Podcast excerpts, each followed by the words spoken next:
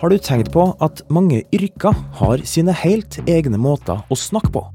Når du hører en flykaptein eller en auksjonarius i jobbmodus, så er det ingen tvil om hva de jobber med. Og sånn er det jo òg med oss som jobber i media. En nyhetsoppleser på TV skal høres ut som en nyhetsoppleser, og en sportsreporter skal snakke, ikke sant, som en sportsreporter. Sånn har det kanskje vært, i alle fall. Men nå er noe i ferd med å forandre måten journalister prater på.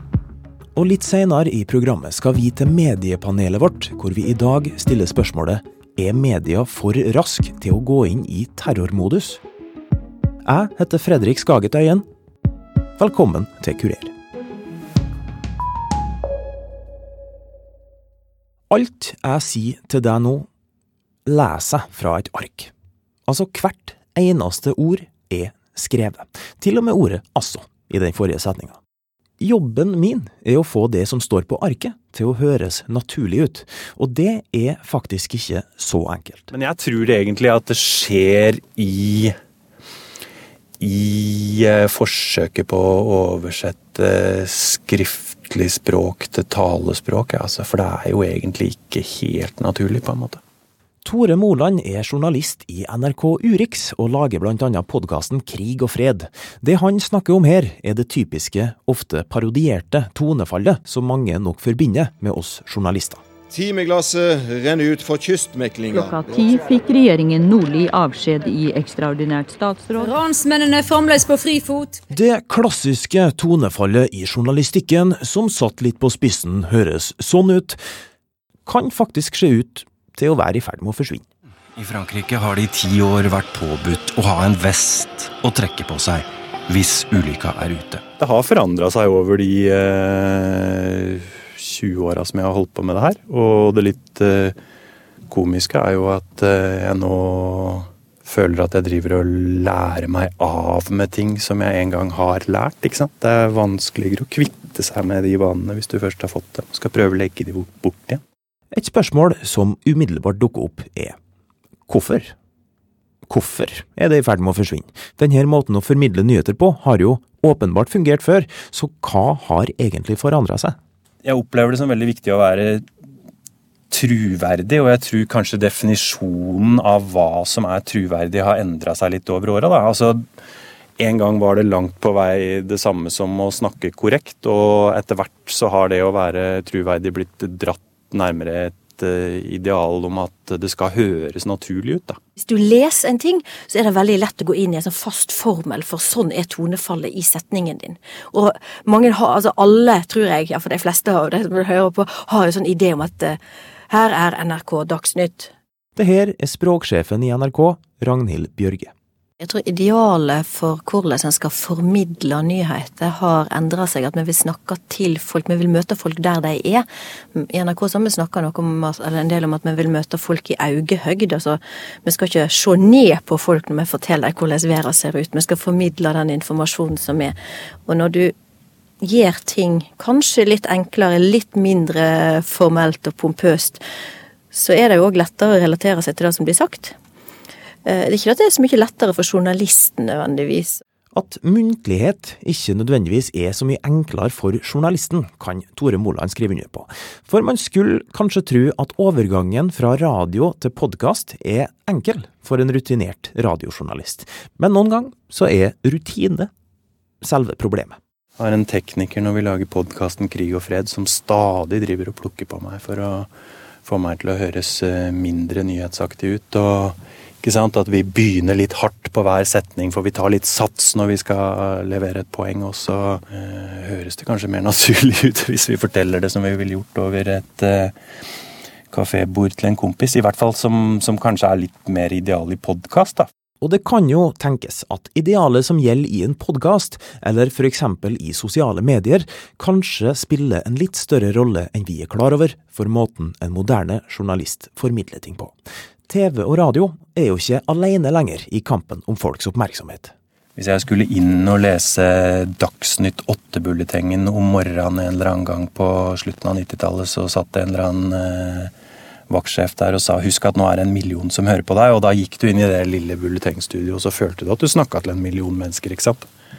Mens hvis jeg lager en podkast, så veit jeg at den er det stort sett folk som sitter aleine med øretelefoner eh, eller ørepropper og, og høre på, sånn at vi veldig mye større grad snakker til én og én om gangen. Mm. Uh, og det gjør faktisk noe med måten du snakker på også. Mm, det kan jo faktisk være noe i det. altså. Skal du prate til massene, så uh, kanskje et presist og objektivt og uh, et, et sånn type språk lønner seg. Da seiler du ned midten, liksom. Mm. Mens, mens, skal vi snakke til én og én, som vi kanskje i større og større grad gjør, så, så lønner det seg å være mer personlig i tonen og mer folkelig, på en måte. Ja, og der, du har jo helt rett i det, den viktige mellomsetningen som du skyter inn der. At, eh, at vi i større og større grad eh, Altså at mediekonsum i større og større grad blir individualisert. ikke sant? Og da må kanskje også avsenderne i, i større og større grad eh, tillate seg å være individer, på en måte. Kanskje journalister uten nødvendigvis å være klar over det sjøl, har tatt ei side ut av boka til de sosiale mediene. Kanskje er det rett og slett blitt litt viktigere å vise personen bak journalisten. Det kan jo tenkes at det har noe med at vi skal liksom alle sammen Hva er det de sier, Life of Brian? We're all individuals. I'm not. Uh, at, at alle skal på en måte finne sin Skal ha lov til å finne sin stil og sin tone og lage seg sin uh, merkevare, nærmest. da. La oss prøve å sette det her i perspektiv. Det her er lyden av en sportsjournalist på 80-tallet. Antwerpen havn er den nest travleste norske havna i Europa. Ja da, det her er en sportsreportasje. Høgdeik er et av de skipene vi skal følge i dette programmet. Det tar bare ei stund før man skjønner det. Avvikla idrettsveka for sjøfolk her i Antwerpen. En sportsjournalist anno 2019 kan fort høres sånn ut. Ja. Og så går. Ligger eh, kommet under 0-1 eh, her. Kommet under 0-1 på Veldig mange tror at jeg har en sånn påtatt uh, figur som jeg kler uh, på meg idet vignetten går, men uh, det er dessverre sånn, altså. Er sånn, det er sånn jeg er, og det tror jeg alle som jobber med meg, kan skrive under på. På godt og vondt. det her er TV 2-sportens Jon Hartvig Børrestad. For jeg har jo et inntrykk av at når du kom inn i TV 2, så var det mange som følte at du var et litt sånn friskt pust? Kanskje at du var litt løsere i snippen enn det som kanskje var vanlig? da? Jeg kom allerede i 2003. Eh, det er det ikke så mange som vet, men da satt jeg og leste sportsnyheter. og um, Det begynte jeg vel med i 2005. Da tok jeg opp uh, stafettpinnen etter Davy Vatne. De første årene så var det veldig sånn naturlig for meg å legge seg i hans uh, skispor på en måte, og prøve å etterape og ligne og være så tett på nær som, som Davy. Uh, og det tok flere år før jeg egentlig fant min egen form og egen stil. da. Uh, og den er jeg veldig glad for at jeg har funnet uh, i dag, men jeg tror det er et ja, et, en nødvendighet, rett og slett, for programledere å, å, finne sin egen form, sin egen stil. Være tro mot seg, seg, selv. For hvis man skal begynne å etterape andre, så tror jeg man blir gjennomskudd ganske kjapt. Men det var, var ganske vrient og vanskelig for meg å gjøre det i begynnelsen, for jeg trodde jeg måtte ta på meg liksom en en språkdrakt eh, som var sånn sportsuniformert. Eh, det måtte på en måte høres slik ut, eh, se sånn ut, være på den og den måten. Så jeg måtte nok rive meg løs fra den der sportskjettingen. Og det tok litt tid, altså. Apropos tid. Noe av grunnen til at journalister er mer muntlig i tonen i dag, kan faktisk ha noe med tid å gjøre. Det er i hvert fall erfaringa til programleder i NRK-sporten, Andreas Hagen. Nå har vi litt dårligere tid, for så vidt, på ting vi skal levere. Eh, vi har jo nå en 24 timers radiokanal i NRK Sporten hvor vi skal på en måte pumpe ut stoff hele tiden. og det er klart at da må du bli mer muntlig. Du må ta ting mer på sparket. Du har ikke så god ting til å skrive et manus eller forberede deg oppi hodet ditt på hva du skal si, da, og måten du skal si det på. Jeg tror det er mest positivt ja, at det er blitt, blitt, mer sånn, at det er blitt mer muntlig og blitt mer personlig. da. Men parallelt med at mange journalister nå kler av seg språkuniformen sin, så kan det virke som at noen gjør det stikk motsatte. For det kan jo kanskje virke som at journalister blir mer og mer ulike, mm. mens kommentatorer kanskje blir mer og mer like. Mm. Det tror jeg er helt uh, riktig. Og, og, det er uh, med all respekt for, uh, for, kolleger som er kommentatorer, for jeg syns de gjør en helt fantastisk jobb. Men måten å snakke på Den, de høres mer og mer like ut, og det er den derre alltid gå opp, da. Frekt og fredig! I slutten av setningen, da. United tenker at han er på tur tilbake igjen. Det er det man gjør. Så da, ballen, skuddet. Der ser det ut som situasjonen er avverga. Og det er ganske fascinerende, faktisk. Ja, Vi gir oss der, for vi journalister har faktisk ikke lov til å gjøre narr av andre. For selv om vi kanskje i snitt er blitt mer naturlig i språket, så lever jo nyhetstonefallet fortsatt. Det er veldig rart, for i det øyeblikket du sitter i et redigeringsrom, da, enten om det er radio eller det er TV, og du har en mikrofon foran deg, og du skal lese, så skjer det noe. Som en radiojournalist som akkurat nå sitter i et redigeringsrom, så kan jeg bekrefte den påstanden.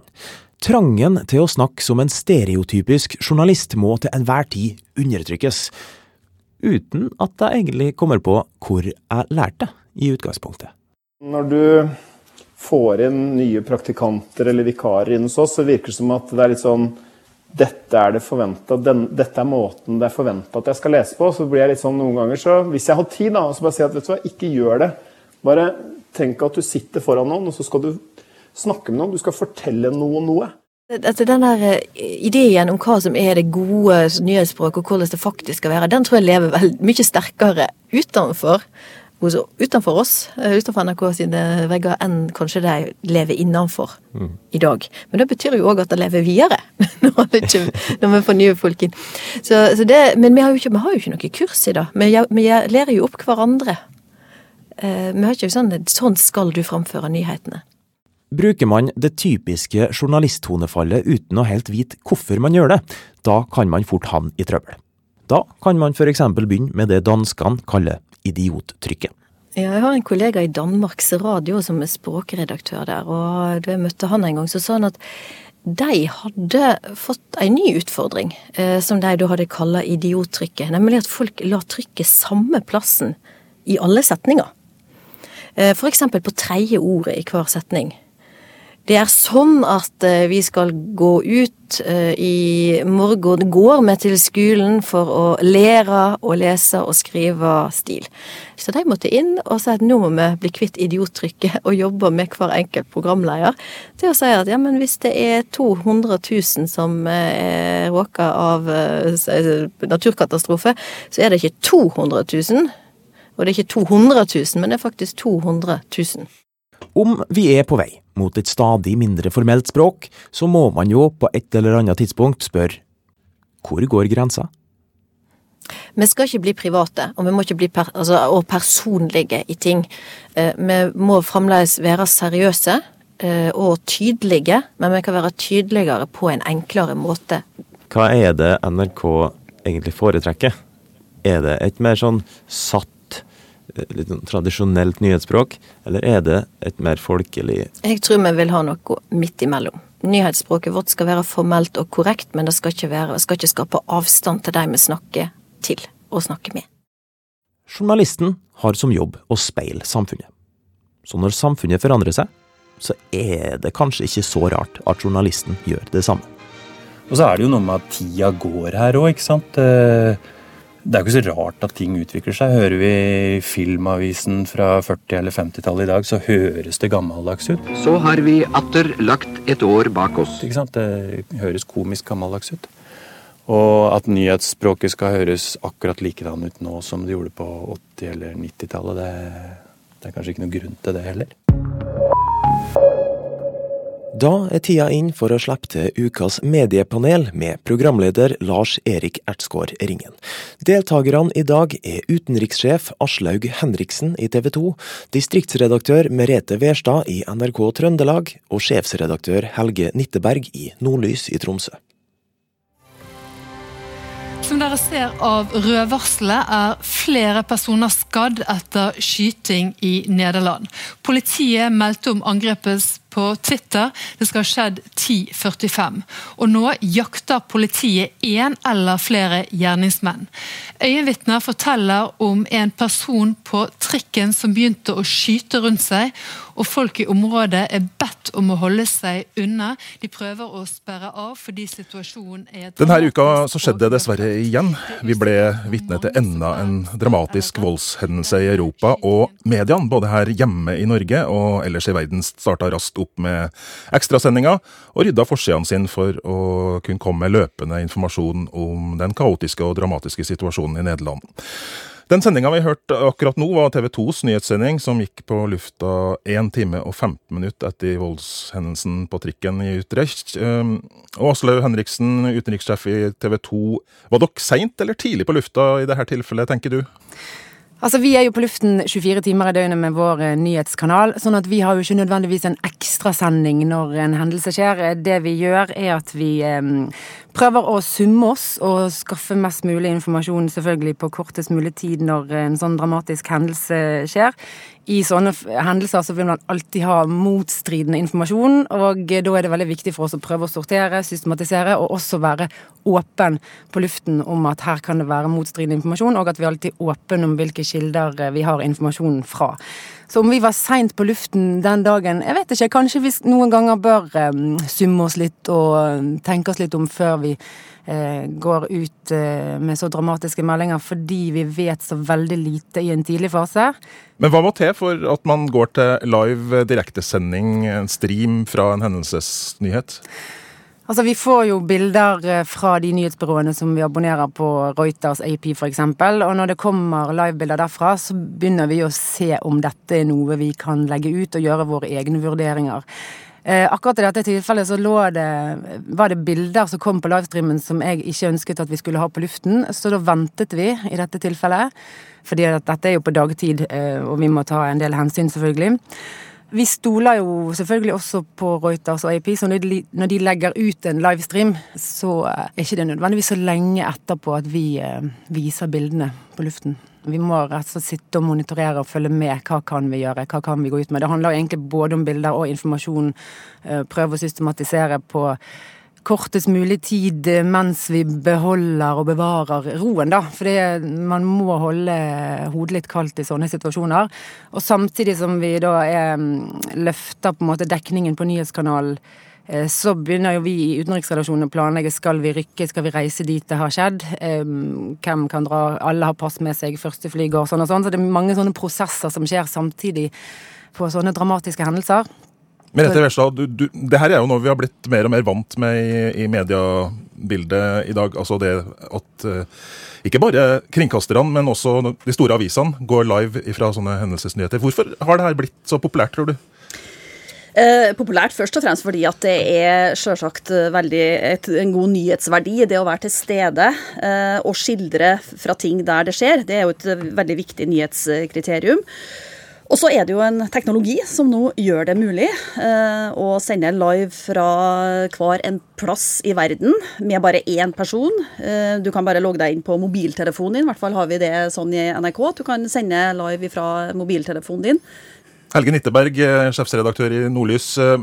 I akkurat dette tilfellet vi har valgt å, å bruke som eksempel her, så visste vi jo ikke før på torsdag at denne, det her var snakk om en terrorhendelse, i hvert fall ut ifra siktelsen. da. Det var mye som tyda på at det var en familietragedie. Hva tenker du om det?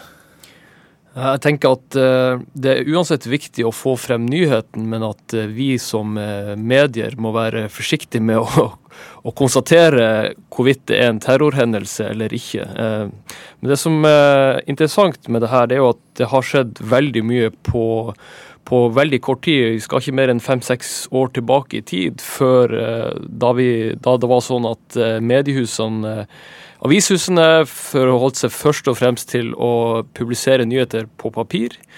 Og TV-kanalene hadde sine faste sendinger som man venta ofte med nyhetene til, til hovedsendingene sine på, på TV.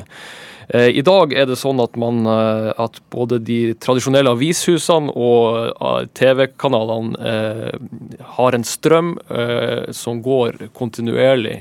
Og det gjør at vi settes på en helt annen prøve som redaksjoner når de kommer til etiske vurderinger i hendelsessaker.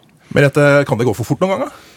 Selvsagt kan det det, og det har det helt sikkert eh, gjort også. Eh, men det er klart at det er derfor det er så veldig viktig at vi er oss eh, sjøl bevisst på hvor sterkt dette er. Og TV-bilder det er jo det sterkeste vi har.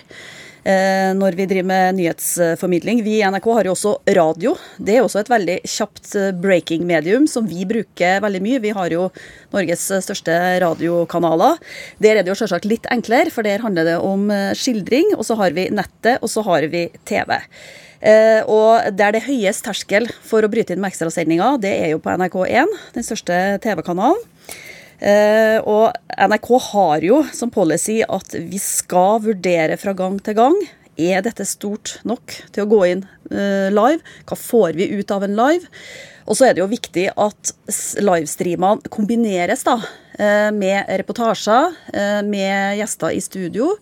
Da det var den terroraksjonen i Nairobi for noen uker siden, Eh, så var det så sterke bilder at eh, man ikke ville sende alt eh, live. Da gikk det inn reportere i studio på NRK1 og heller fortalt hva som skjedde, for da var bildene rett og slett for sterke. Mm. Aslaug, når du sender ut folk på slike ting, så er det jo en annen utfordring. Og det at det ofte er vanskeligere for en reporter på et sted der det skjer en hendelsesnyhet, å få informasjon om det som skjer, enn dem som sitter på desken i Bergen? Ja, og det er jo derfor det er så viktig å samarbeide godt med deskene i, i redaksjonene. fordi at eh, når du er på plass, så kan du på en måte formidle inntrykk og eh, forklare og fortelle og gi eh, tilstedeværelsen. Men det er jo stort sett på desken hjemme at vi har mest oversikt over all fakta i saken. Eh, bare lyst til å si den kommentaren med, med terrorhendelse eller terrorbegrepet som vi først fikk vite torsdag denne uken da, i Nederlandssaken, så, så er det jo veldig viktig for oss å, å, at vi aldri bruker terrorbegrepet før noen offentlige myndighetspersoner tar det i bruk. Og det var jo veldig mye frem og tilbake i den Utrecht-saken hva dette var snakk om når vi formidler eh, en pågående hendelse sånn som dette på vår 24-timers eh, nyhetskanal, som nettopp derfor går vi aldri inn med en ekstrasending, men vi bare enten løfter dekningen eller tar dekningen ned når vi vet mer og ting er avklart. Men Aslaug, eh, ja. er det ikke sånn at folk har blitt vant til at denne typen journalistikk og direktesendinger er assosiert med, med terror, og folk tenker terror med en gang? Jo, og derfor er det jo viktig for oss å prøve å få en avklaring. Hva er dette for noe? Nå har det skjedd en hendelse, nå skal vi finne ut av dette. Dette vet vi per nå, og sånn at vi hele tiden oppdaterer med informasjon. Hva tenker du Helge om det? Altså, er det sånn at uh, man må være bevisst på hva slags signal det her gir? Ja, uh, det, det absolutt. Det er, det er, sterke virkemidler, ikke minst når det gjelder, kommer til levende bilder. Og jeg opplever i all hovedsak at man er det ansvaret bevisst. Men vi må også forholde oss til at det, vi har et medielandskap som ikke bare handler om de tradisjonelle redaktørstyrte mediene, men som også inneholder en flom av informasjon på Twitter, Facebook, mm. sosiale medier osv. Og Det er også en del av, det, av, bildet der vi forhåpentligvis kan gjøre en jobb med å rydde opp i å gi nøktern og, eh, og saklig informasjon som, som ikke trigger til eh, ytterligere redsel i befolkningen. Merete, da skulle du få siste ordet. Ja, der er jeg helt uh, enig med deg, Helge. Det er der vi er nødt til å være oss sjøl bevisst. Uh, og jeg tenker at der har jo vi en fordel. Vi har mulighet til å ha redaktørstyrte desker som passer på å hjelpe til. Og Vi kommer til å bruke masse tid fremover på å prøve bare å verifisere alt som kommer inn. og Vi gjør det allerede, og vi er mye mer bevisst på det nå enn vi var for noen år siden, tror jeg. I hvert fall med tanke på sosiale medier og bilder som strømmer inn, mm. som vi er veldig, veldig forsiktige med. Og dermed var det Aslaug eh, Henriksen som var utenrikssjef i TV 2 som fikk det siste ordet. Eh, takk til deg. Merete Wærstad her i studio i Trondheim, og Helge Nitteberg, eh, sjefsredaktør i avisa Nordlys i Tromsø. Det var Lars Erik Ringen som leda mediepanelet i dag, og produsent var Kristin Norvoll Mork. Jeg heter Fredrik Skagetøyen.